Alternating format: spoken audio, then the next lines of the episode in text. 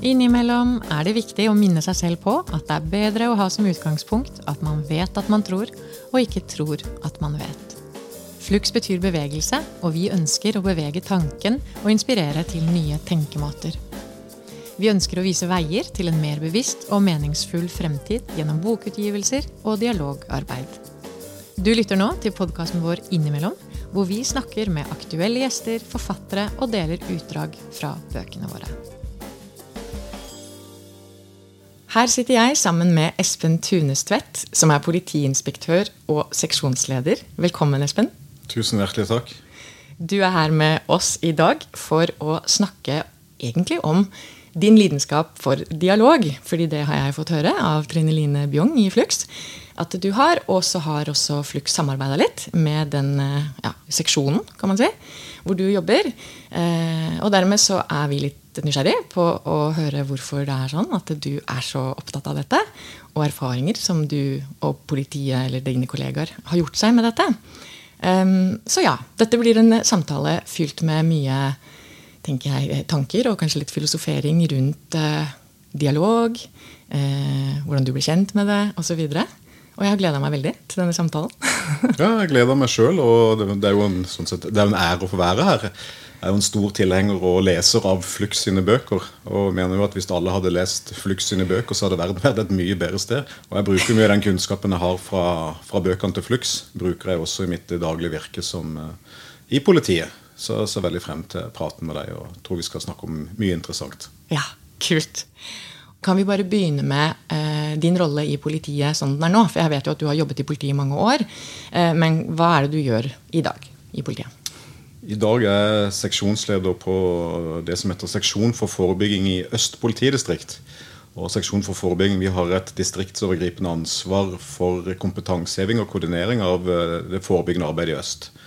Og Der øh, jobber det bl.a. Altså de er ansatt for, eller leder for, blir riktig å si. Eh, der har vi radikaliseringskoordinator, en mangfoldskoordinator eller kontakt som, som bl.a. har som oppgave å jobbe med ulike etniske grupper, uh, altså uh, ulike miljøer. Og rett og slett jobbe med dialog, kan man egentlig kort sagt si. Og så er leder for nettpatrulje, næringslivskontakt. Folk som har en forebyggende oppgave opp mot gjeng og kriminelle nettverk. Ja.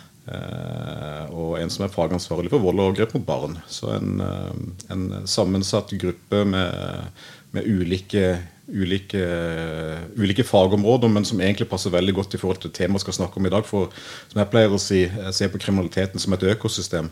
Mm. Alt henger sammen med alt. Så jobber du med en del av kriminaliteten, så påvirker det også en annen.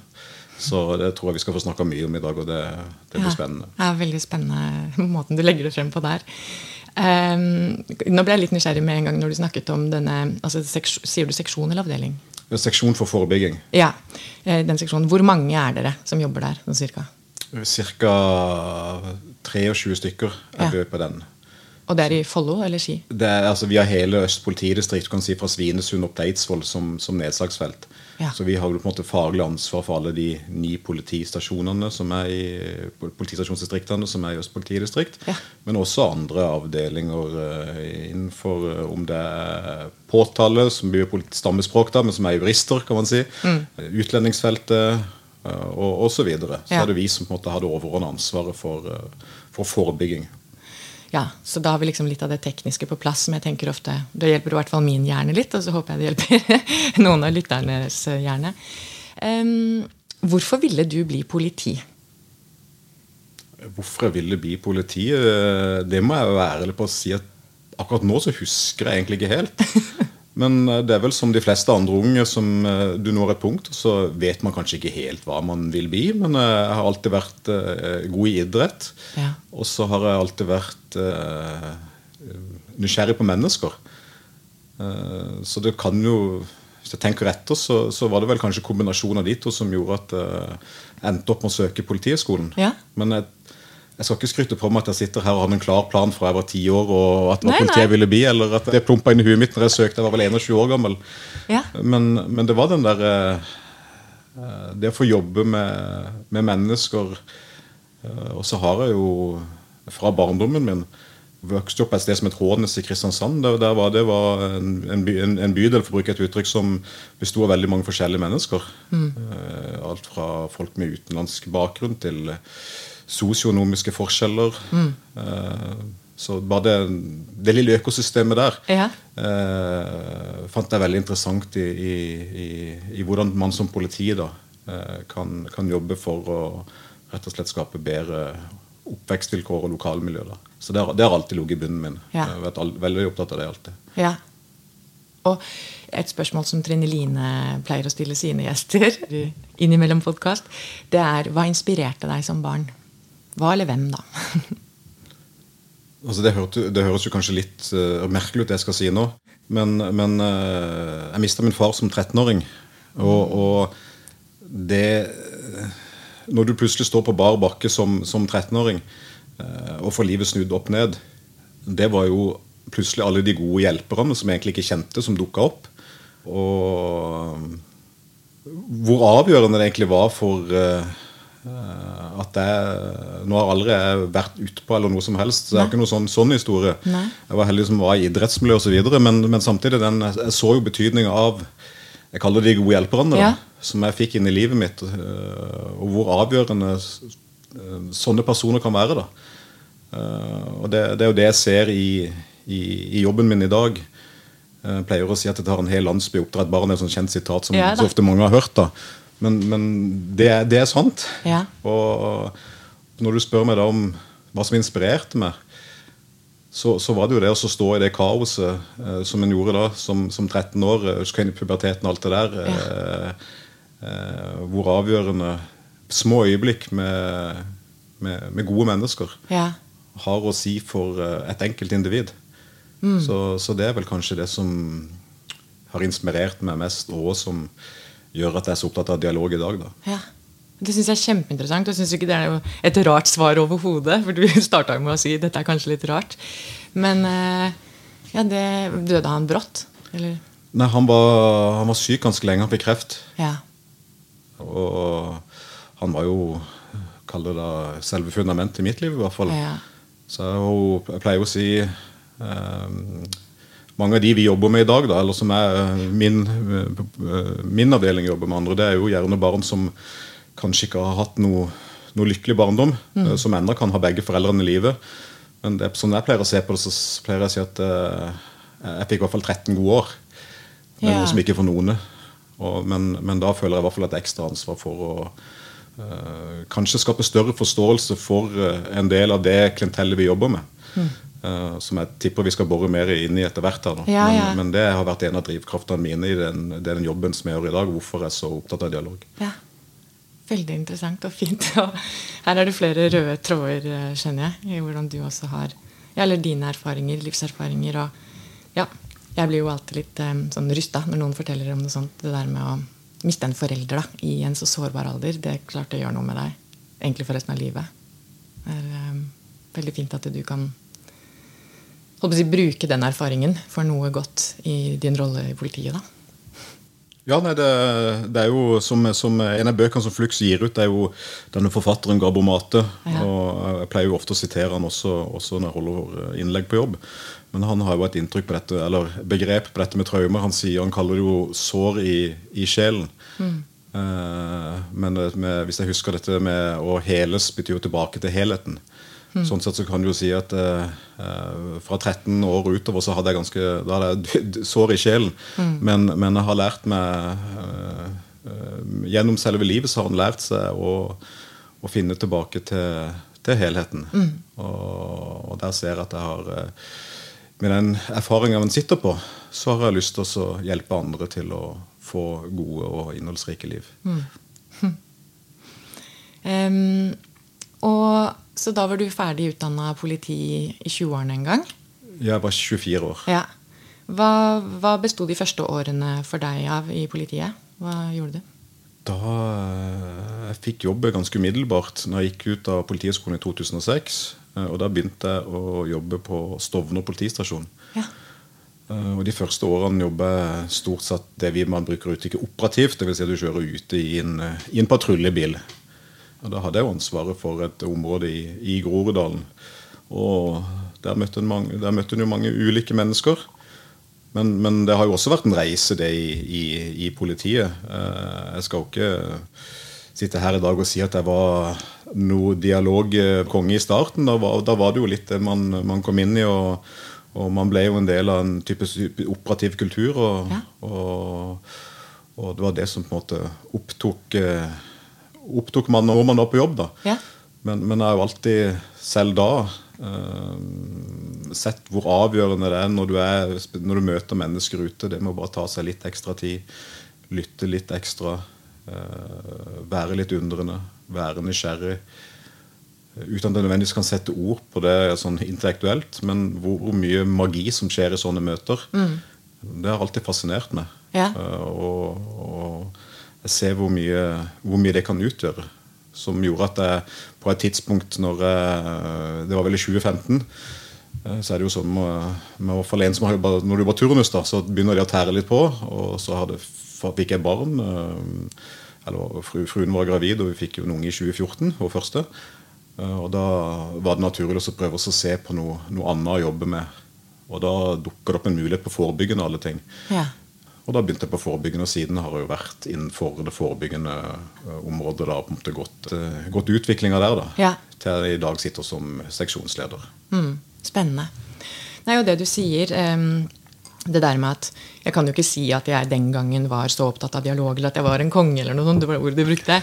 Og det bare får meg til å smile, fordi det skulle bare mangle. Det er jo også sånn eh, Nå sitter jo vi her som to voksne mennesker, og det er jo noe av det mest spennende med sånne her type samtaler. Da, det med at vi skal liksom se litt på din reise som person, ja, men som politi ikke sant, her i hovedsak. Og det er jo klart at et eller annet sted på veien så har du jo så har din interesse for dialog eh, dukket opp. da. Så jeg antok aldri at du liksom starta i politiet og bare Juhu, verden! Nå skal jeg innføre dialog ja, ja, i politiet nei, jeg, en gang for alle. Noe, som 25-åring. Det hadde vært litt av en historie. Ja, nei, Jeg var ikke noe dialogisk profet i, i, i, i starten. Men, men, samtidig så er det jo Jeg mener jo alltid at man kan aldri skille jobb og privat. For at er, det samme huet som er begge steder. Ja. Og, og den, den, reisen, når man bruker det som et uttrykk, da, så, så, har jo også den starta gjennom um, alle bøkene jeg har eh, på en måte ja. lest bl.a. fra Flux, men også andre, andre bøker. Eh, personlige erfaringer. Ja. Og, og det, det, er jo en, Jeg vil jo kalle det for min del, da. Jeg skal ikke snakke for andre, men det har vært en sånn type bevissthetsreise. da, Hvor jeg ser at bevisstheten stadig måte, ut, utvikler seg. Mm. Til at man, man, man er på et sted i dag hvor man kanskje Eh, jeg mangler et godt uttrykk på det, men, men mer jorda. Ja. Hvis, det, hvis, det, gir mening. Absolutt. Eh, hvor man kanskje har et bedre helhetsperspektiv og eh, man, man har bedre forståelse av seg sjøl. Ja. Og det var jo noe jeg fanga tidlig opp. Det var jo jeg husker, jeg, leste, jeg husker ikke hvor jeg leste det nå, men, men det er jo Jeg vet ikke om det er kjent med Apollo-tempelet i, i, Delfi. Ja. Altså Oraklet i Delfi, som det, som det godt som det heter. Ja. Og der kom jo, kom jo de altså menneskene som levde i antikken, for å få svar på livets store og små mm. spørsmål. Men det som sto på søylen når du skulle gå inn der, det var jo gnote sauti. Og det skulle på en måte være den fremste kunnskapen du kunne ha, og det betyr på norsk 'kjenn deg selv'. Ja, kjenn deg selv. Eh, så, så, det er kanskje noe av det jeg har jobba mest med, det er jo egentlig å lære meg sjøl å kjenne. Mm. For Gjennom å lære meg sjøl å kjenne, så, mm. så, skaper jeg det rommet som gjør at jeg har bedre forutsetninger for å lære andre å kjenne. Mm. Her, jeg sitter jo og smiler her nå, fordi det her er jo et tema jeg syns er så interessant. Og dette med eh, Altså, mennesker har jo ulike historier. Og på ulikt sted i livet så har vi jo blitt mer og mer bevisst på et eller annet vis. Eh, på oss selv, eh, sånn som du også snakker om nå. Og Det er jo ikke alltid lett når man er voksen eller seinere i livet at man klarer å pinpointe akkurat der skjedde det. Men det kan jo være ulike hendelser som fører til det, eller bøker man leser. ikke sant? Eh, mennesker som eh, påvirker en, selv, selvfølgelig. Men det vi snakker litt om nå, er jo dette med eh, at noe magisk begynner å skje, vil jeg i hvert fall hevde, når vi blir bevisst på at vi har en bevissthet. Og når vi begynner å legge merke til hva er egentlig den bevisstheten. Og det her er jo et megastort spørsmål, og det skal ikke vi snakke masse om i dag. ikke sant? Men jeg syns det er kjempefascinerende. Og um, hva er det jeg skulle si nå? Jeg skal bare ikke snakke meg bort. Jeg kan i hvert fall støtte opp, for jeg, skjønner veldig godt hva du sier. Så er det ikke alltid man klarer å forklare det med ord. Nei, det men, men, sånn før eh, men for, å, for å by litt på meg sjøl. Ja. hvor Hvordan egentlig nysgjerrigheten starta på den delen, det var at eh, jeg var veldig aktiv innen friidrett eh, årene etter min far døde. Og så kjente jeg på et tidspunkt at jeg lurte på hvorfor, hvorfor klarer jeg alltid å presse meg så hardt. Hvorfor klarer jeg å kunne dra strikken så langt på, innenfor det fysiske? da og Hver gang jeg gjorde det, så følte jeg egentlig bare en sånn indre ro. Eh, men det jeg skjønte, var at når jeg var i de setningene der, da var det ikke mulig å tenke noe. For jeg tror jo at jeg hadde etter min far døde, da, så, så var det mye, eh, altså mye tankevirksomhet. Grubling, ja. Mye, mye Ja. grubling og, og bekymringer osv. videre uh, og selvfølgelig så er jo det en i sikt så blir jo det en uhensiktsmessig strategi at du skal presse dette ytterste for å, for å på en måte få eh, kalle det lindre en smerte eller få, få, få ro. Men, men det var på en måte der da skjønte jeg at ok, men hva om det fins andre ting?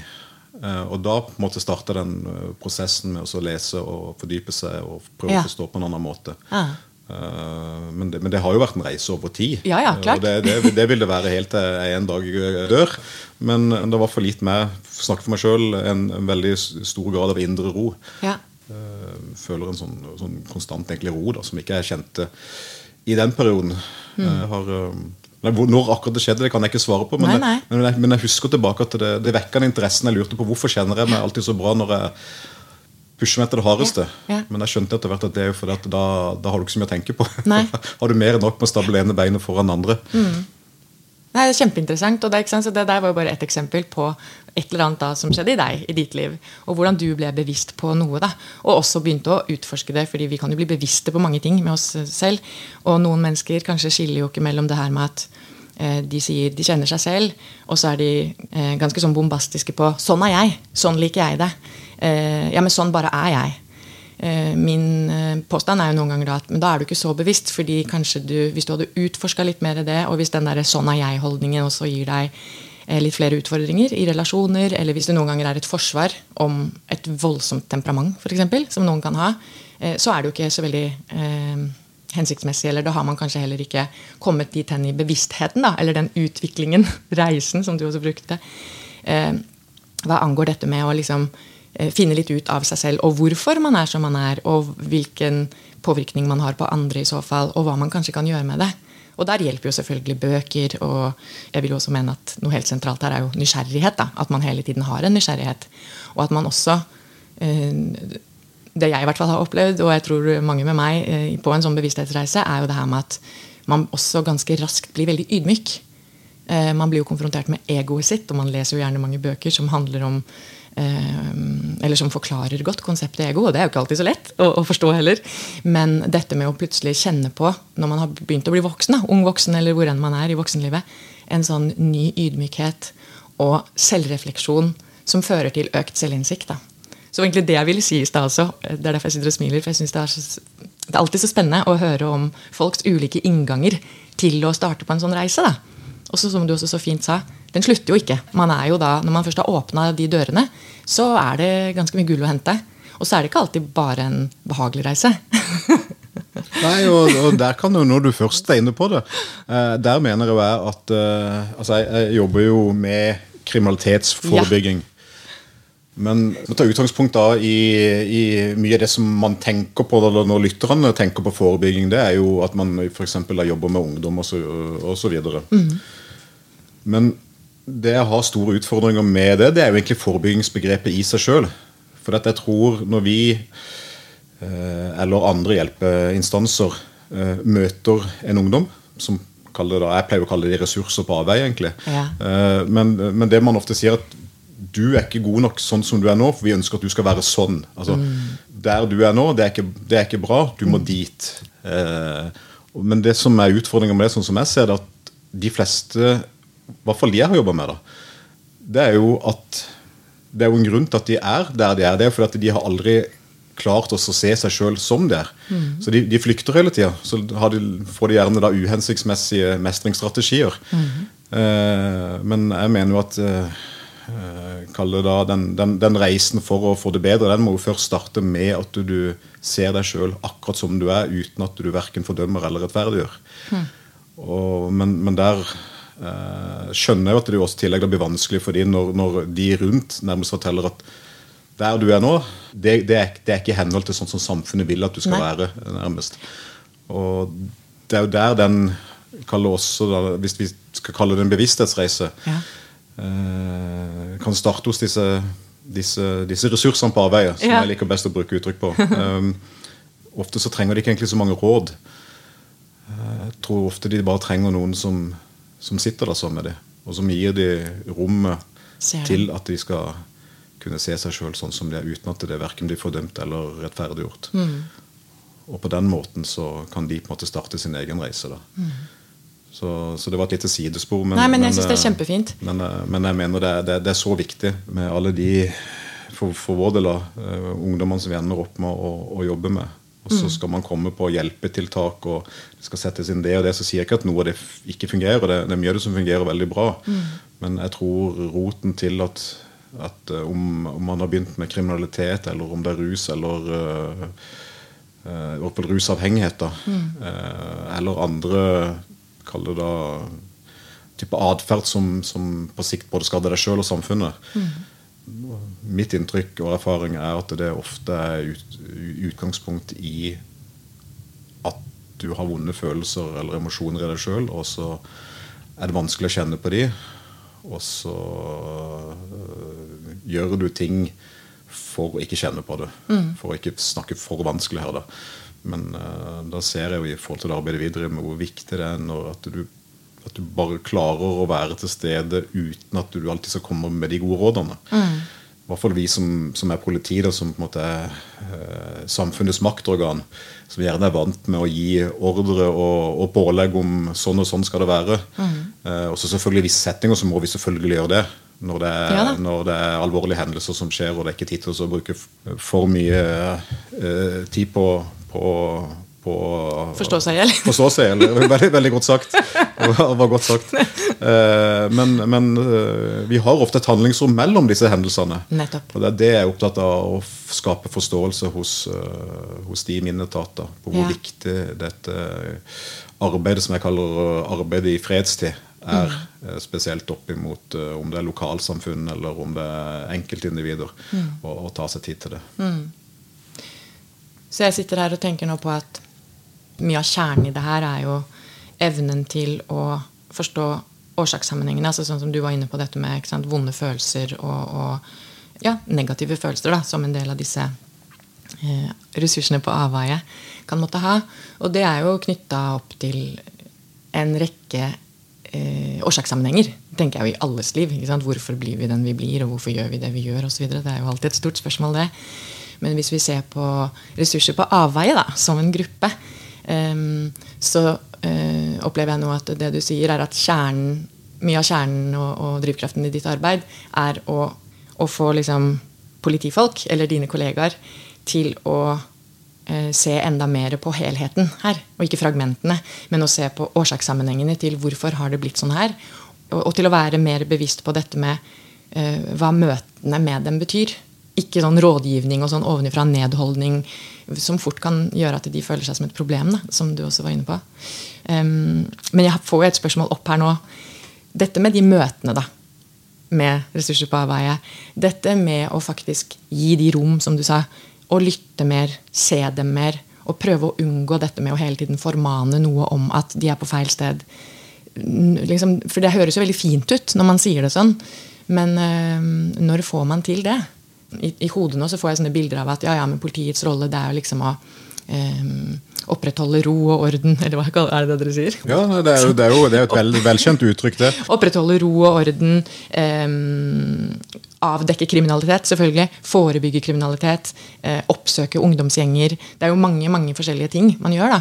Men uh, når dere møter disse forskjellige ressursene på avveie, da, uh, hvordan, ja, hvordan kan man liksom få det innunder huden, dette med å være mer bevisst på måten man møter dem på?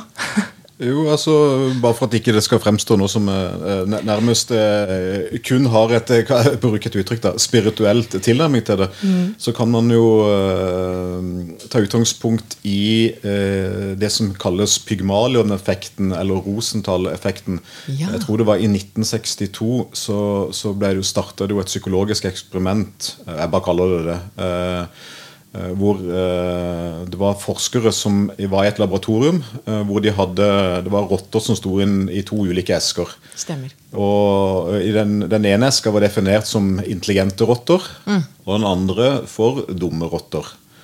Det var jo selvfølgelig ikke noe forskjell på, på rottene i seg sjøl, men mm. de som kom inn i rommet, de fikk den beskjeden. Mm. Men det viste seg jo for at disse rottene skulle gjennom en labyrint. Uh, og Da viste det seg jo at de rottene som hadde vært i den, den intelligente boksen, de var mye raskere gjennom labyrinten. Mm. Uh, og så lurte jo han uh, Jeg mener han het Rosenthal, da, han som på en måte leder det eksperimentet, på om dette kunne ha overføringsverdi til mennesker. Mm. Og så må jeg jo fortsette på det med rottene, men det var jo at det de, det de skjønte etter hvert, det var jo at når forskerne kom inn så de rottene som var i den intelligente boksen, da, ja. de brukte man lengre tid på. Man koste mer med dem, man var mer kjærlig. Som gjorde at rottene sitt stressystem eh, hadde jo bedre forutsetning rett og slett for å komme seg gjennom denne labyrinten. Hm. Uh, og da Seinere prøvde man det samme eksperimentet på en, på en jeg mener det var en, en skole i California hvor eh, lærerne fikk beskjed om at en, eh, en fremstående vitenskapsmann eller, eh, eller, forsker ved navn Rosenthal hadde plukka ut en elevgruppe på skolen som, som han sa at dette, disse kommer til å bli meget intelligente og flinke innenfor ulike felt. Da, for disse, de er dyktige mennesker, eller barn. da. Mm. Og da gjorde de, I forkant da, så hadde de gjort en, en test på, på alle elever mm. på skolen. Men når året var over, da, så viste det seg at de elevene som tilfeldigvis var plukka ut som intelligente, skårte i snitt, hvis jeg husker riktig, da, 30 prosentpoeng høyere på ja. denne, denne, testen. Og igjen, når de går og ser, så ser jeg at de elevene ble via mer oppmerksomhet. Mm. De fikk eh, mer vennlighet fra lærerne. De ble både mer sett og på en måte rost. Mm. Og, og, det er det jeg mener med hvorfor dette er aktuelt i forhold til vårt arbeid. Mm. For mange av de vi møter på, da, ja. de er det jo fort gjort å se på som et problem. Mm. Eh, som, som, eh, noen som på en måte bare eh, Ikke har så store fremtidshåp? Eller, ja. ja. Og mm. hvordan møter vi de da? Ja. Uh, og Dette eksperimentet er jo gjentatt etter hva jeg har forstått, gjentatte ganger et, uh, fra 60-tallet fremover. og De finner de samme resultatene hver eneste gang. Og det er derfor det, det, Nå skal jeg prøve å knytte sammen det som går med bevissthet til dette eksperimentet. Da. Og så skal jeg trekke litt inn i, i, i nevrovitenskapen. Fordi at Uh, og så skal jeg tilbake igjen da, til kall det da mer det Jeg vet ikke hvilket uttrykk. I mangel på uttrykk, da. Spirituelle ja. måten å se det på. Men Lao Tzu Det, de sies at han har skrevet det som heter Tao Te Ching. Det er jo en av verdens mest kjente eh, på en måte leste verker. da mm. uh, Men han har et sitat uh, som jeg har forstått. Om det er han som har det eller ikke, det er ikke så viktig. det er selve sitatet i seg sjøl som er viktig. og det er at han sier noe sånt som 'vær bevisst på dine tanker', eh, for det blir et ord. 'Vær bevisst på dine ord, for det blir til handling'. 'Vær bevisst på dine handlinger, for det blir din vaner'. 'Vær mm. bevisst på dine vaner, for det blir din karakter'. 'Vær bevisst på din karakter, for det blir din skjebne'. Mm. Og mm. der kommer det med bevisstheten din. For hvis mm. jeg har et bilde i mitt hode av eh, f.eks. en ung gutt da. Ja, Kriminelle eller potensial. Mm. Ja, Så når du da sitter i politibilen og ser han, bare blikket i seg sjøl For det kan jo være at du tenker aha, der er, han, eh, han er ikke noe bra mann. Mm. Hvordan vil du da opptre når du går ut av den bilen? Mm.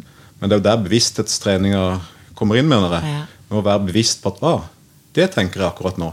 Eller du kan kjenne det igjen i en følelse, at du kjenner at du er litt mer anspent litt mer eh, kanskje gire opp. For det er naturlig når eh, hvor, altså det, den, den, fremste funksjonen til hjernen det er å sikre overlevelse. Mm.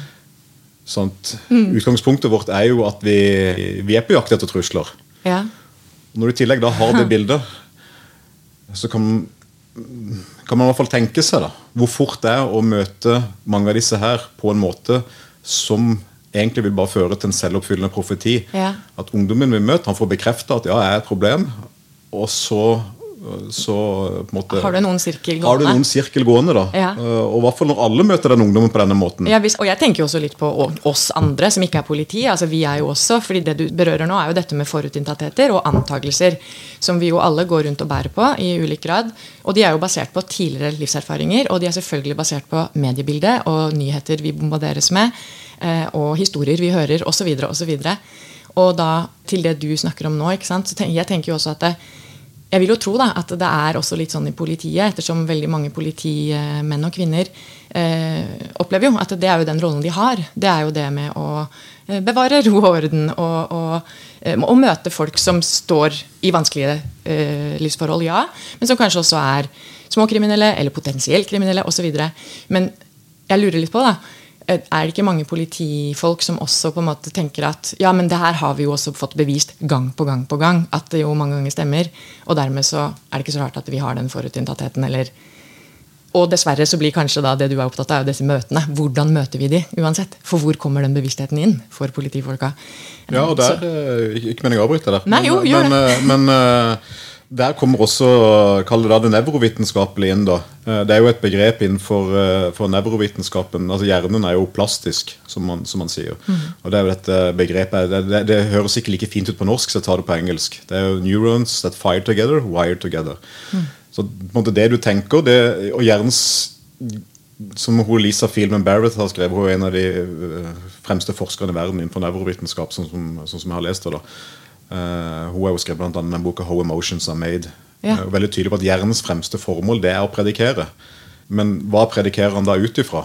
Han predikerer ut ifra de erfaringene du har hatt så langt i livet, eller det bildet du har. Og på den måten så Når du da ser en person, så vil jo hjernen være i forkant og predikere ut ifra Ja. det.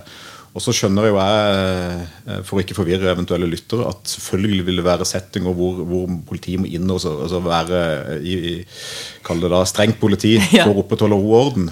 Men, men her er det så mye i, i, imellom som, som går i en sånn dybde på menneskemøter som vi tar litt for gitt, etter sånn som jeg ser det. Eh, og jeg får jo ofte høre eh, jeg får i høre innimellom. da Jeg holdt jo et foredrag eh, om dette her eh, nylig. Og da var det typisk sånn utsagn som jeg får. Ja, men Espen, du, du, du, du forstår ikke helt virkeligheten der ute. Og da er jo mitt svar ja, kan vi formidle noen virkelighet? Altså, det er perspektiver vi formidler. Og en av grunnene til at vi, vi som jeg ofte liker også, jeg liker å fortelle historier Det ene er jo den historien om de seks eh, blinde menn og elefanten. Vet ikke om du har hørt den? Nei, jeg husker det kan hende når du begynner å fortelle den, så kanskje jeg Den, den er jo, mener jeg da et, eh, et godt, en god historiefortelling for, for å forstå nettopp dialog. For det er, jo, det er jo seks blinde menn som skal bli enige om hvordan en elefant ja, ser ut. Ja, det ringer noen bjeller. Og én Ja. holder i halen og sier at jo, jo eh, elefanten det må være som en pisk. Mhm. En holder i snabelen og sier eh, elefanten må være som en slange. Og en holder i, i beinet og sier elefanten må være som en murvegg. ja. Um, men hvis jeg spør deg, hvordan er den eneste måten disse kan finne ut av hvordan elefanten ser ut på? Det, det er jo gjennom å genuint prøve å forstå hverandre og kommunisere. Men hvis du opprettholder at det ser ut som en pisk Det er jo det som jeg mener er kjernen i dialog. Hvis du fortsatt bare skal stå på at det er en pisk, ja. For det er det du holder på. Du for det er det du holder på. Ja. Ja. Og sånn er det jo med oss som politifolk. da Hvis vi Vi får jo ofte altså vi, vi, vi, skriver, lager jo etterretningsrapporter, som det heter innenfor vårt fagspråk. da Ja. Men hvis det kun er basert på politiets egne informasjon, som vi er ute og innhenter, ser vi da elefanten, eller ser vi eh, kanskje foten og pisken? Eller halen, mener Ja. jeg. Og Det er derfor jeg mener dialog er så viktig i det yrket jeg har. Ja. Eh, og det er derfor jeg jobber veldig uh, målretta mot at vi skal ha eh, Vi skal være inne i masse forskjellige miljøer. Vi skal jobbe med masse forskjellige. Altså, altså alt fra eldre til, til unge til ulike eh, etnisiteter osv., så, videre, så er det jo viktig at vi er, vi er i dialog med ulike grupper. Spesielt sårbare grupper, eller grupper som vi eh, ender opp å jobbe mye med. Ja. For hvordan i all verden skal vi klare å se elefanten hvis vi sjøl skal sitte og definere virkeligheten? Mm.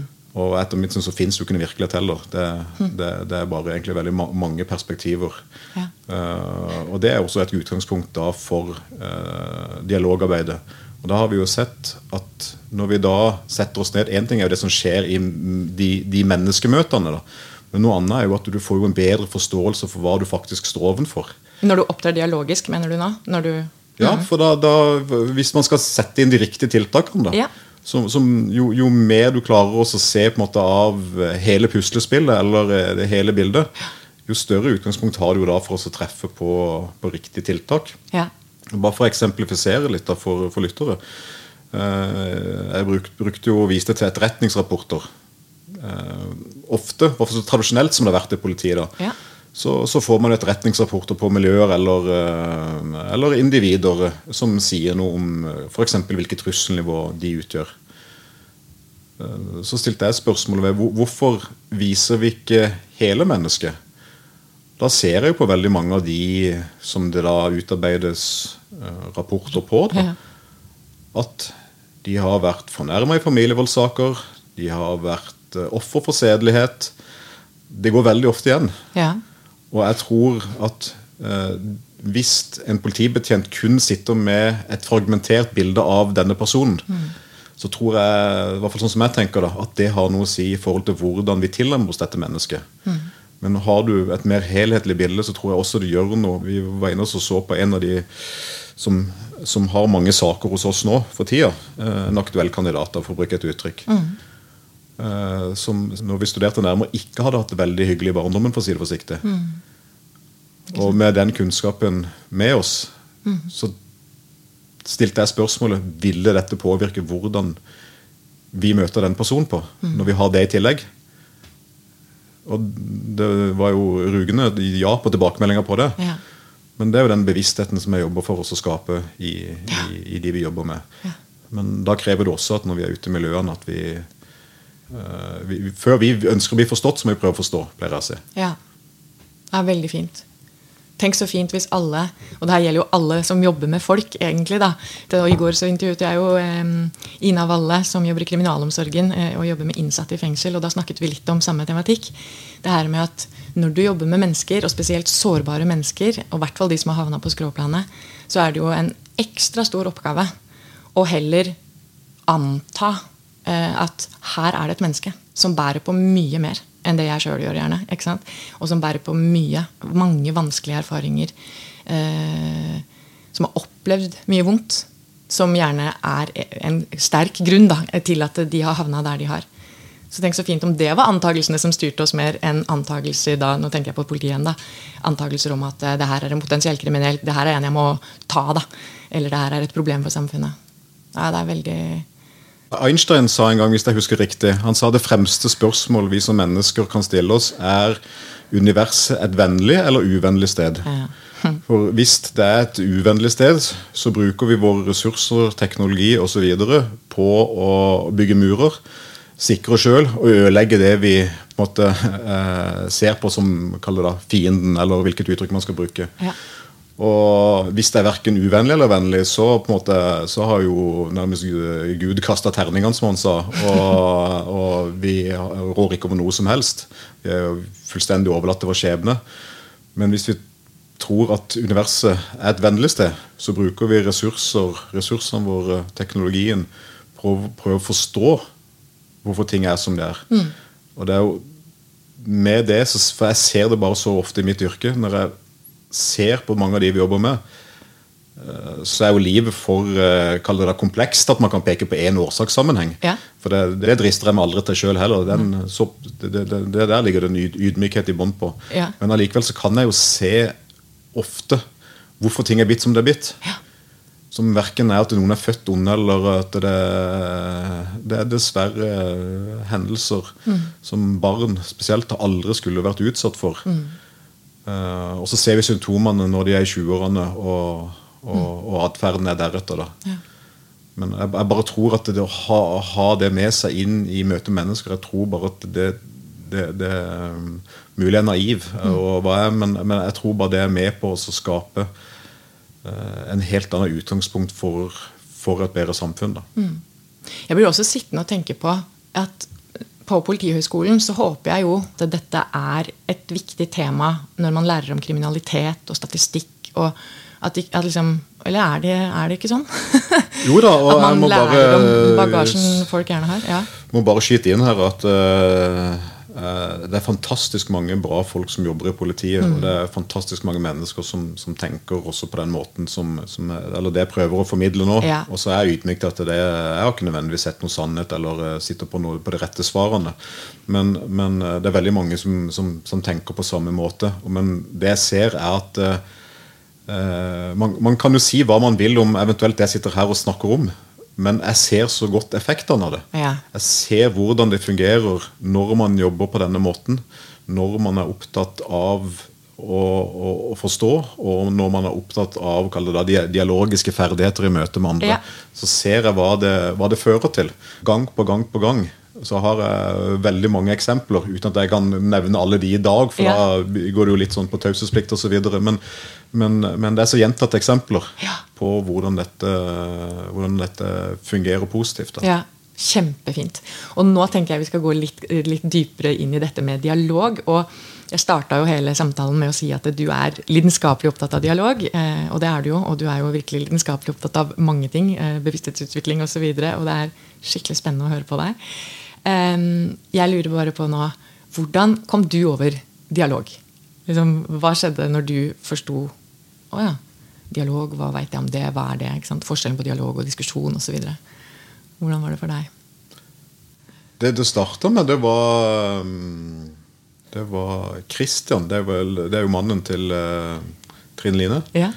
Jeg hadde et, jeg gjennomført et kurs på, eller utdanning på Politihøgskolen som het uh, prosessledelse i politiet. Og Der kom Kristian inn den ene dagen og hadde om, uh, om dialog. Uh, han fasiliterte en hel dag med, med oss og Mye av dette her hadde jeg jo måte, tenkt på, ja. men jeg, jeg, hadde ikke nødvendigvis de riktige verktøyene for å sette ord på det. Nei, ikke sant? Så igjen, da. Stor takk til Flux. Men, eh, men, det var kanskje der eh, selve forståelsen for, eh, for dialog som verktøy starta. Og vi fikk jo da i fjor høst så fikk vi i Øst politidistrikt Da hadde vi har noen funksjoner som heter politikontakter. Uh, politikontakter er en funksjon som skal være bindeleddet mellom politi og kommune. Så mm. alle kommunene i Øst politidistrikt uh, skal jo ha en politikontakt. Og da uh, fikk vi inn Flux Dialog. det var vel i fjor høst. Og hvor de fasiliterte en tredagerssamling med politikontaktene. Ja. Og fikk veldig god tilbakemelding fra politikontaktene på at ja, det de sa, var at dette var helt nytt for dem. Og ja. det var en, liksom, eh, Noen ble jo tatt litt på senga. Det er ikke ofte politikopieren så sitter man i sirkel med Nei, ikke sant? For dere satt jo da i sirkler, dere gjennomførte dialoger, dere fikk presentert spilleregler og ferdigheter. Ja. Og, og prata om ulike temaer, da, eller? Ja, altså jeg var ikke til stede sjøl. Jeg var Nei. den som på en måte Fikk det i gang? fikk, fikk det i gang, ja. Og hadde, hadde dialogen med Trine Line. Men uh, jeg husker så godt jeg møtte en av uh, politikontaktene nede. Og han, han satte egentlig ord på det som jeg opplevde at egentlig flesteparten uttrykte. Da. Ja. Det var at de sa dette var jo nesten terapeutisk. Ja. Så, uh, og, det, og dette, Da snakker vi om litt garva politifolk som uh, har vært ute en vinternatt før. Ja. Men som hadde stor sans for det opplegget og, og, og så verdien i det. Men, men, dette er jo som vi har snakka om innledningsvis, at en ting er at du gjennomfører dette i tre dager, men hvis ikke du reflekterer og, og er bevisst på det egentlig hele tida, så er det fort gjort at det, det, kan være inspirerende de tre dagene, men så kan du plutselig visner det litt ut. da. Ja, da. Men jeg ser i hvert fall på mange av de som jeg, jeg følger av politikontaktene, for vi har jo det faglige ansvaret for de, at mange har jo adoptert veldig mye av det som ble formidlet den dagen, mm. uten at de nødvendigvis kanskje alltid er bevisst på det sjøl. Ja, men vi jobber jo veldig et stort fokus for oss i Øst politidistrikt nå. Det er jo dette med innbyggerinvolvering. Og, og er har- Nei, det er at vi, det er jo litt tilbake til denne elefanten som jeg beskrev. Mhm. Vi er jo i faste møte med Politidirektoratet hver onsdag. eh, hvor noe som heter Innbyggerstemmen uh, De har fått navnet Innbyggerstemmen da inne i Politidirektoratet. Og, og det går jo på det at vi, vi skal bli flinkere til å involvere innbyggerne våre i beslutninger, eh, arbeid uh, osv. som politiet gjør. da. En viktig årsak til det er jo at uh, alene så har ikke vi som politi sjanse til å løse de utfordringene vi står overfor. Vi er jo nødt til å spille på lag med innbyggerne våre. Men, men en forutsetning for å spille på lag med noen, det er jo da å også vite hva de er opptatt av. At ikke vi sitter og definerer problemene, men at vi, vi Da er jo dialog et fint verktøy, da. Og da går det tilbake igjen for oss å jeg bruker uttrykket da, se hele elefanten. Men hvordan får man til det i praksis? da? Å involvere innbyggere? Nei, Det har vi mange ulike eksempler på. Mm. Et sted i øst så hadde de jo utfordringer med Det var jo en bydel da, hvor det var utfordringer med kriminalitet. Og der uh, fikk man avholdt det som heter et innbygger- beboermøte. Ja.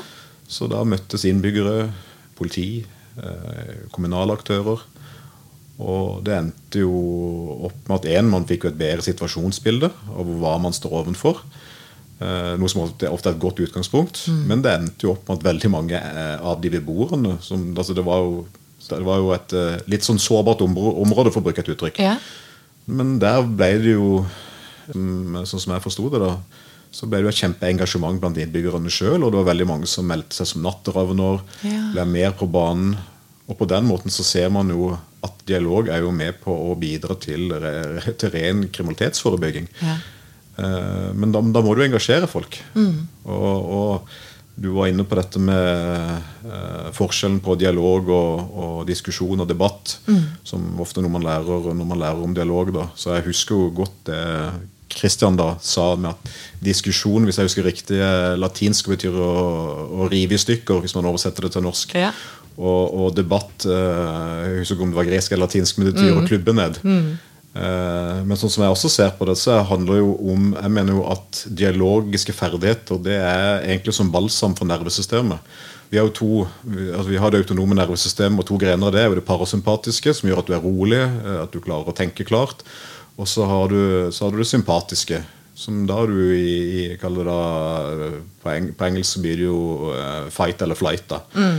og ofte hvis, du, hvis jeg sitter nå så begynner jeg å være uenig med deg, eller jeg sier noe som er bare Nå, nå tar du feil, du tenker ikke riktig.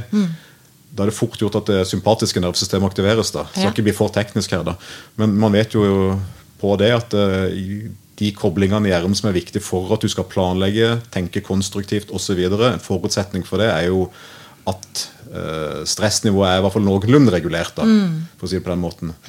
Og det er jo det som er så fint med dialogen. For det, det, det, det er ingen Det er egentlig ikke noen motpart. Nei. Så det, når du retter den energien, da, for å bruke et uttrykk på det, så, så rettes ikke den mot noen. Man, man snakker for å finne felles løsninger. Og, og da er det lov å ha ulike meninger. Og man hører hverandre ut, man bruker mer tid. Mm. Og vi legger også ting inn i midten. Skal ikke være for teknisk, jeg heller, med eh, verken spilleregler eller ferdigheter. Og det her er jo også temaer som tas opp i mange ulike podkaster. Eh, innimellom podkast. Så for de som er mer nysgjerrig på dialog, så vær så snill å gå inn og, og finn de forskjellige episodene som handler om det her. Um, Deriblant en hvor Christian og Trine Line sitter og snakker inngående om spillereglene og ferdighetene. Det ligger i arkivet vårt. Ja, Den vil jeg virkelig anbefale å lytte til. Ja. Og så er det en sånn greit bilde å sette på det. da Jeg pleier ofte å sammenligne det med um, det er, jo, det er jo noe som heter polywagal theory. Det går jo faktisk på Det er en Steven Porche som har sett på dette med hvordan, hvordan, hvordan nervesystemet da, fungerer. Ja. Men for å gjøre det forståelig for lytterne, så kan man se på det som at når du er på grønt Se, på, se for deg et trafikklys. Når du er på grønt lys, så eh, er det mulig å skape kontakt. Da er det mulig å, å nå inn til folk, for å bruke et uttrykk på det. Men når du er på Da kan du kjøre gjennom, tenker du? Grønt lys, Grønt trafikken. lys, da kan du kjøre gjennom. bet- altså grønt lys kan du si at det er det som han kaller det um, Nå husker jeg ikke helt soci- Social engagement. Jeg husker det på engelsk. Ja. For jeg leste det på engelsk. Ja. Da, da er det mulig å skape kontakt mellom mennesker. Ja. For da er nervesystemet på en sånn måte at uh, det er mulig. Men når du er aktivert, så er det faktisk ikke mulig fysiologisk Mm. å skape bånd mellom mennesker. For da er du enten i en, en, en fight eller flight. For å bruke det uttrykket. Det er jo kanskje kjent for flere. da. Og, og, og, men det er der jeg mener dialogen kommer inn. For uh, den legger til rette for en fin regulering. da. Sånn at man ikke har et behov for å gå i forsvar eller i angrep. Det, det vil jo man forstå bedre når man også hører de spillereglene som du refererte til fra Christian og Trine Line. Når vi da er ute og møter tilbake til den ungdommen, da, for eksempel, da. Ja. Mitt eh, kroppsspråk og tonefall gjør jo fort om den ungdommen blir aktivert eller klarer å holde seg rolig. Så vet vi at mange av disse her ungdommene eh, gjerne har uh, traumer i bånd. ja, det er noe med det. De har òg sine forutinntattheter og, og antakelser òg, basert på Og ja. da, da er det Det som jeg pleier å si Det er jo referert for han der relasjonshøvdingen. Han, er det Jans Burkland han heter? Han pleier jo, han har noe som heter TTT. Tillit trenger tid. Så, så jo mer vi blir kjent med dem, jo bedre forutsetninger har vi for at når vi møter dem, at deres uh, det aktiveringsnivå eh, er på en sånn måte at det er faktisk mulig for denne politimannen eller politikvinnen og denne ungdommen å ha en god, god, god samtale og prat. Og det har vi jo sett også da når det har smelt. Når det har vært om det har vært knivangrep eller slagsmål, når da politiet kommer til stedet, og hvis man da på forhånd Hvis ungdommen da kjenner disse politifolkene, Ja. så er sjansen å, å, å, for at de, at de samarbeider og, og hører på politiet når de kommer, den er mye mye, mye større så, Ja. for mine erfaringer på det da, enn at det kommer det fremmedgjorte politifolk som, som kommer inn der og som ikke de kjenner så godt. Så Derfor er det så viktig det der med Alt henger sammen med alt, mm. som jeg pleier å si, men, men, men at man da jobber i fredstid med å bygge de relasjonene i, i lokalsamfunnet. For å bruke det som et utgangspunkt. Men er det, nå er det mulig jeg er litt naiv på det her, for jeg jobber jo ikke i politiet. og liksom, Hvordan kan man tilrettelegge for sånt? da? At når det skjer alvorlige hendelser hvor politiet skal dukke opp, så, eh, så er det politifolk som kjenner de involverte. Hvordan er det man kan tilrettelegge for sånt? Nei, det er ikke alltid man kan tilrettelegge for det. Nei. Uh, Men er det noe man prøver på? liksom? Ja, da, det, er er, der det, det, jeg- det er mange som Det, det jobbes med det. Og, ja. Ja, og det er veldig mange uh, politistasjonsdistrikter som er opptatt av og, og dette med å bygge relasjoner i, i, Ja. i lokalsamfunnet osv. Men for å bruke et annet La oss si at det kommer noen som ikke er kjent med det. Da Ja. Da handler det jo om å ta deg kanskje fem minutter ekstra tid, forklare hvorfor gjorde politiet sånn som vi gjorde. Hva var grunnen til at eh, jeg reagerte som jeg gjorde? Eh, Og det ser vi også har en veldig positiv effekt. Uavhengig om det er ungdom eller eh, voksne som, som man jobber med. At man bare bruker litt ekstra tid på å forklare. For da faren hvis ikke du gjør det, det er jo at man bare drar egne slutninger og antagelser. Mm. For da er det ofte det at vi kan si men det var den beskjeden vi hadde når vi kom. Så kan det godt være at de som var på sted satt på annen informasjon, men det var det vi måtte forholde oss til. Og derfor opptredde vi sånn som vi gjorde. Eh, og da, ofte da så skaper det da større forståelse. Jeg har sjelden har fått noen tilbakemelding fra, fra de når jeg har vært ute. og Det er en stund siden jeg var ute nå på oppdrag, men, men, eh, men det, ofte så skaper det den forståelsen som gjør at man eh, som, som er med på å forebygge sånn oss mot dem-holdning. Ja. men, men at man uh, har større forståelse for, for hvorfor de gjorde sånn som de gjorde, og vi gjorde sånn som vi gjorde. da. Så det jeg hører deg si her, er jo at eh, du opplever at når eh, politifolk eh, blir mer kjent med dialog, altså dialogiske prinsipper, og, og har de verktøyene, eh, dette rammeverket som gjerne da er basert på sant, kunnskap om spillereglene og ferdighetene, eh, men i, i, i hovedsak så handler det jo om jeg vil bare si de fire ferdighetene. Da, å møte med respekt, å lytte og å utsette. altså Det er jo gjerne at man skal utsette litt sine egne ord, og kanskje det til og med vil være handlinger da, i praksis for politiets del.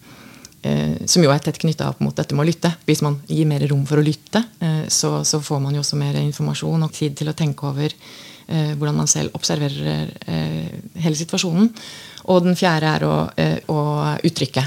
Uttrykke, Ja. Men der er det jo også å uttrykke sitt oppriktige bidrag. Da. Men igjen, vi skal ikke være for tekniske her. Men em, jeg hører deg si at dette har veldig store ring, positive ringvirkninger når flere er bevisst på det her, og når flere møter folk der ute på en dialogisk måte. Men så har jeg også hørt deg si at det var jo da denne samlingen dere hadde i fjor, hvor det var noen politikontakter med på de to dagene, eller tre dagene, Tre dager. som Flux leverte. Ja. Eh, men det er jo x antall, jeg vet ikke hvor mange som var med på det, av politikontakter, men det er jo noen da, mennesker. Men hvordan jobber dere ellers i politiet for å spre dialog til flere? da? Nei, akkurat nå så har jo jeg utarbeida som sagt, jeg har et fagansvar i distriktet, så jeg utarbeida et mandat som er blitt godkjent på, av øverste ledelse. Ja. Eh, hvor vi skal sette, Det er satt ned en, en arbeidsgruppe som, eh, som skal utarbeide eh, fra flere funksjoner i politiet. da. Som nå skal arbeide det Fristen er vel satt til mai 2024. Hvor det skal utarbeides en retningslinje for dialogsmetode i Øst politidistrikt. ok.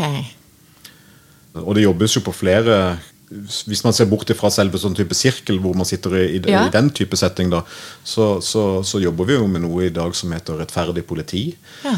Som er et eh, konsept som kommer fra Politidirektoratet. Det handler jo om hvordan vi møter folk ute eh, i kalde felten. eh, hvor man får en opplæringspakke nå eh, som alle operative mannskaper skal, eh, skal gjennom i Øst politidistrikt og ellers Ja. landet. Mm. Så det, det gjøres veldig mange gode, gode grep for å, å styrke eh, da, de kommunikative ferdighetene Ja. til politiet, som jeg mener altså, Det arbeidet ligger tett opp til det man, man ser for seg er prinsippene som du var inne på Ja, ja, i dialog. I dialog. Uten at det behøver å bety at man Ops, der peip det. Uten at det behøver å bety at man nødvendigvis sitter i sirkel, eller at man alltid må gjennom akkurat det samme rammeverket som eh, Flux tilbyr i sine kurs, eller dialog i praksis osv. Så, skjønner jeg det jo sånn at selvsagt så er det jo mange ting man kan lære innenfor dette med eh, forbedra kommunikasjon, økt bevissthet blant politifolk eh, osv. som vil ha de samme positive ringvirkningene. da. Ja, absolutt. Altså, det er jo Men det å sitte i Det er prosessarbeid hele veien, Ja, det er ja. men, men det å sitte i altså det, den sirkelen som vi refererer til Ja. når vi snakker nå, det har jo også, det har jo jeg selv erfaring med har kjempepositive effekter. Eh, og jeg husker vi hadde en, en samling med uh, trossamfunn. Et møte som vi som politi skulle ha med, med noen trossamfunn eh, i forhold til, til arbeidet vi driver med. Og da, da husker jeg vi, vi satt først på noen benker, og så satt de nede på den ene sida, så satt vi på den andre sida. Jeg tror det tok meg tre sekunder, jeg bare kjente at sånn kan vi ikke sitte.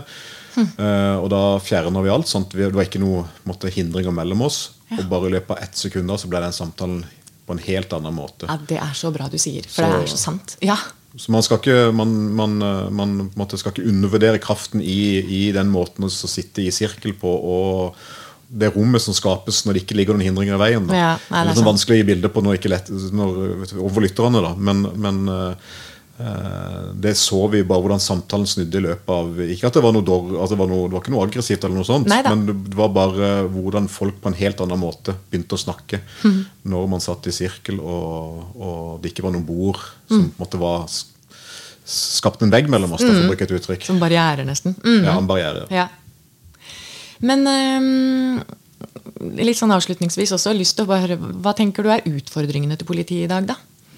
Eh, liksom Knytta til det vi snakker om nå. Og, Utfordringen er jo en, det, det, det tar tid å så adoptere et nytt det tankesett. Eh, eller en eh, Kanskje en ny måte å se ting på.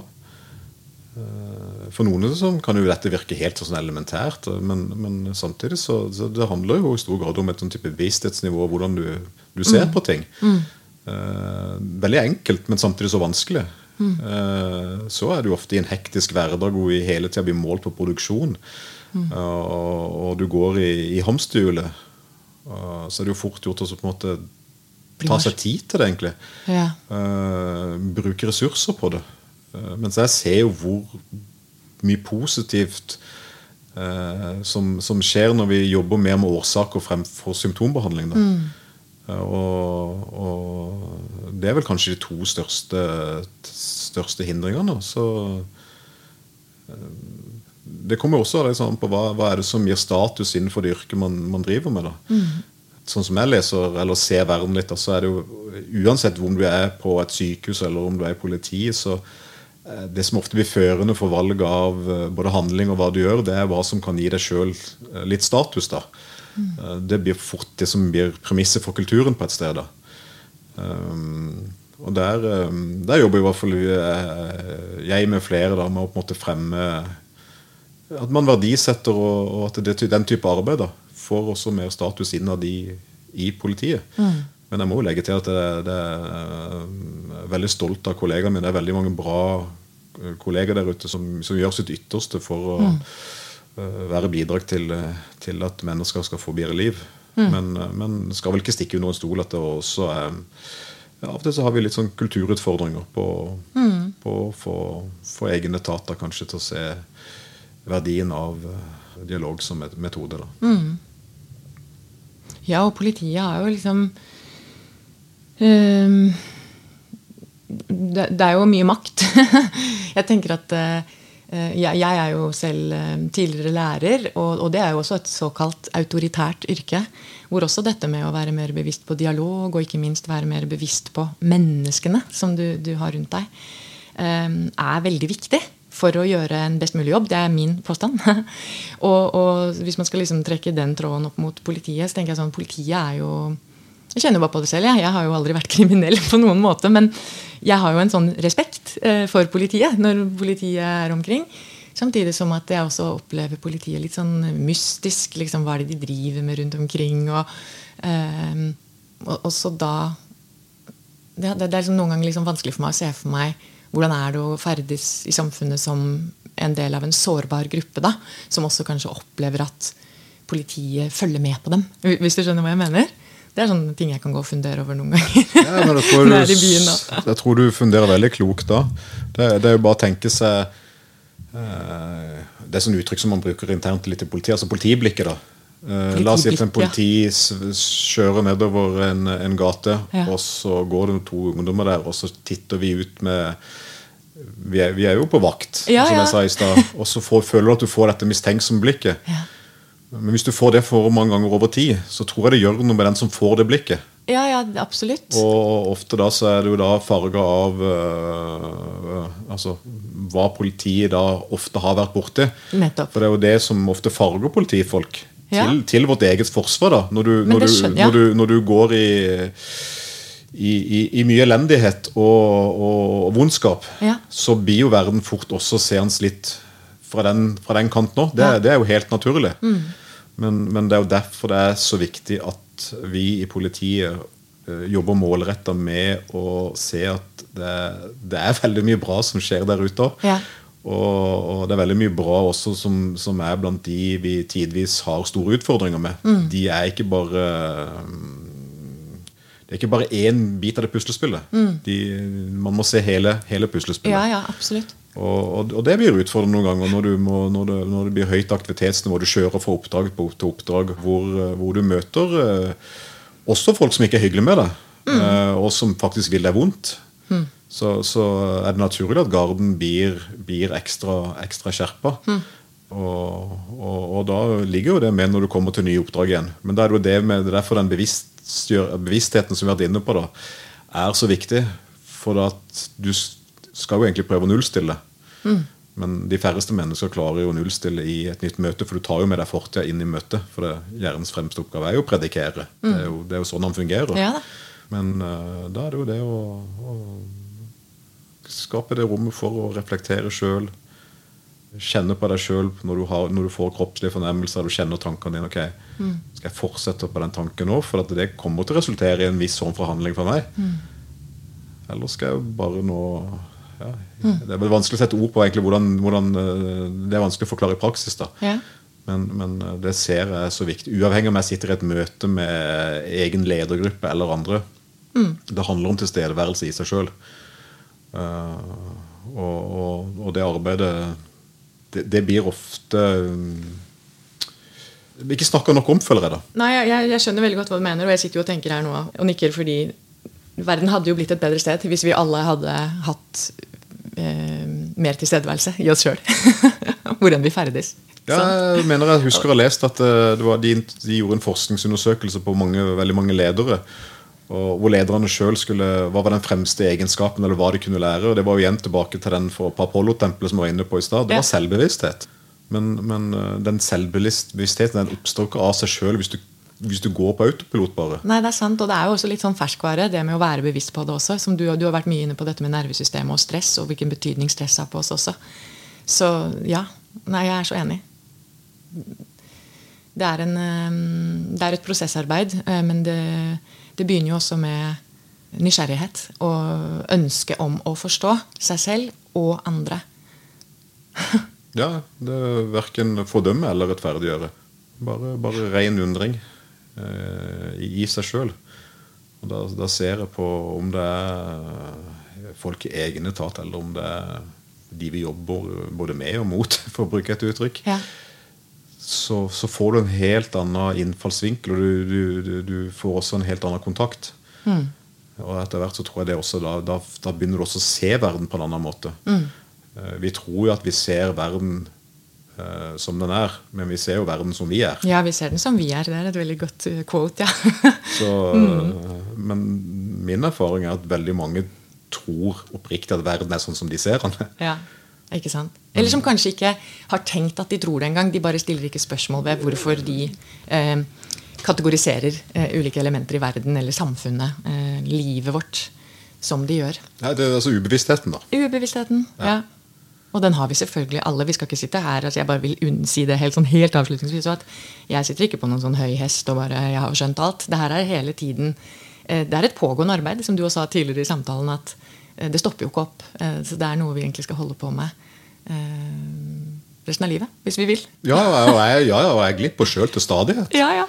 Men, men, heldigvis nå klarer jeg i hvert fall å ta det med id men når jeg har glippa. Ja. Det, det, går litt fortere før jeg Ok, nå, nå Tune Stvedt, nå, nå var du litt på autopilot her. Ta, ta, ta en lite steg tilbake nå. Ja. Men, det, men det, det, det, kan jo være komplisert og kanskje også overveldende for de som, som, som lytter på. Da. Men i hvert fall etter beste evne nå prøvd å gi, gi, noe innblikk i mine tanker om hvorfor uh, dialog er, er, viktig, og da spesielt i det yrket som jeg forvalter, og det er jo politiyrket. Mm. Ja, og nå er vi jo på vei til å runde av her. Og avslutningsvis så hadde jeg lyst til å nevne en kampanje som jeg kom over en gang. Som jeg også kjenner på at er helt i tråd med det vi har snakka om i dag. Og tydeligvis da, så gjorde den veldig inntrykk på meg. Fordi jeg eh, tror dette skjedde for 10-15 år siden. Men jeg glemmer det aldri. Og det var en opplevelse hvor jeg gikk gjennom Oslo S. Hadde kommet med toget, gikk med en trillekoffert. Tror jeg bodde i utlandet på den tiden. Farta mye rundt da når jeg kom til Oslo. Og så ser jeg store plakater, typisk sånne kampanje- eller reklameplakater, på veggen hvor det mm, var bilde av en mm, politikvinne eller noe, liksom bare bakfra, og som sto og snakket med noen eh, vanlige folk. da. Og så sto det eh, i reklameteksten Vil du bidra til å låse opp når andres tanker har låst seg? Eller vil du bidra til å Jeg husker ikke helt ordrett, men kanskje det sto Vil du bidra til å uh, tenke når andres tanker har låst seg? Uh, og det bare husker jeg så godt. Og det var sånn at jeg bare Ja, det er politiets rolle. Um, og reklamen var jo for Politihøgskolen. Altså søk på Politihøgskolen hvis dette er noe som vekker noe i deg. Så skal Det sies, det var ikke sånn at jeg tenkte at jeg da ville søke personlig, men jeg bare tenkte at det var noe positivt med det budskapet. Og at jeg vet ikke, jeg fikk en sånn sterk følelse av at da er i hvert fall eh, politiet på rett vei. Da, da vet jeg det. Her jeg kommer gående. Uten at jeg hadde noe tvil om det, kanskje. eller jeg vet ikke. Men jeg har alltid vært interessert i alle disse temaene vi jo snakker om. Dette med hvilken rolle har man egentlig når man jobber i politiet? Hvilken rolle har man når man er lærer? Hvilken rolle har man i de forskjellige yrkene hvor man står tett på mennesker? Og spesielt når man står, jobber tett på sårbare mennesker. Så Husker du den kampanjen? Eller? Ja, jeg husker jeg mener den tror jeg faktisk var når jeg sjøl søkte Politihøgskolen en, en, gang i, oh, i tida. Eh, når andre tanker har låst seg, da, da, trenger vi jo noen som kan uh, få låst opp de tankene eller håndtert situasjonen. Uh, og da tenker jeg i hvert fall, Det er i hvert fall viktig at ikke våre tanker har låst seg. Nettopp. Og, da er vi jo igjen inne på dette med, med dialogiske ferdigheter og, og, selvbevissthet. Det er akkurat det. Det var derfor jeg bare hadde lyst til å, å nevne det på tampen. fordi ja, Jeg har rett og slett ikke tenkt på det på lenge. Så nå når vi satt her i samtalen, så kom jeg på den, og så slo det meg at Hvorfor bare husker jeg den? Du vet, Man har jo sånne minner noen ganger. Sånne, sånne små, trivielle ting som skjer.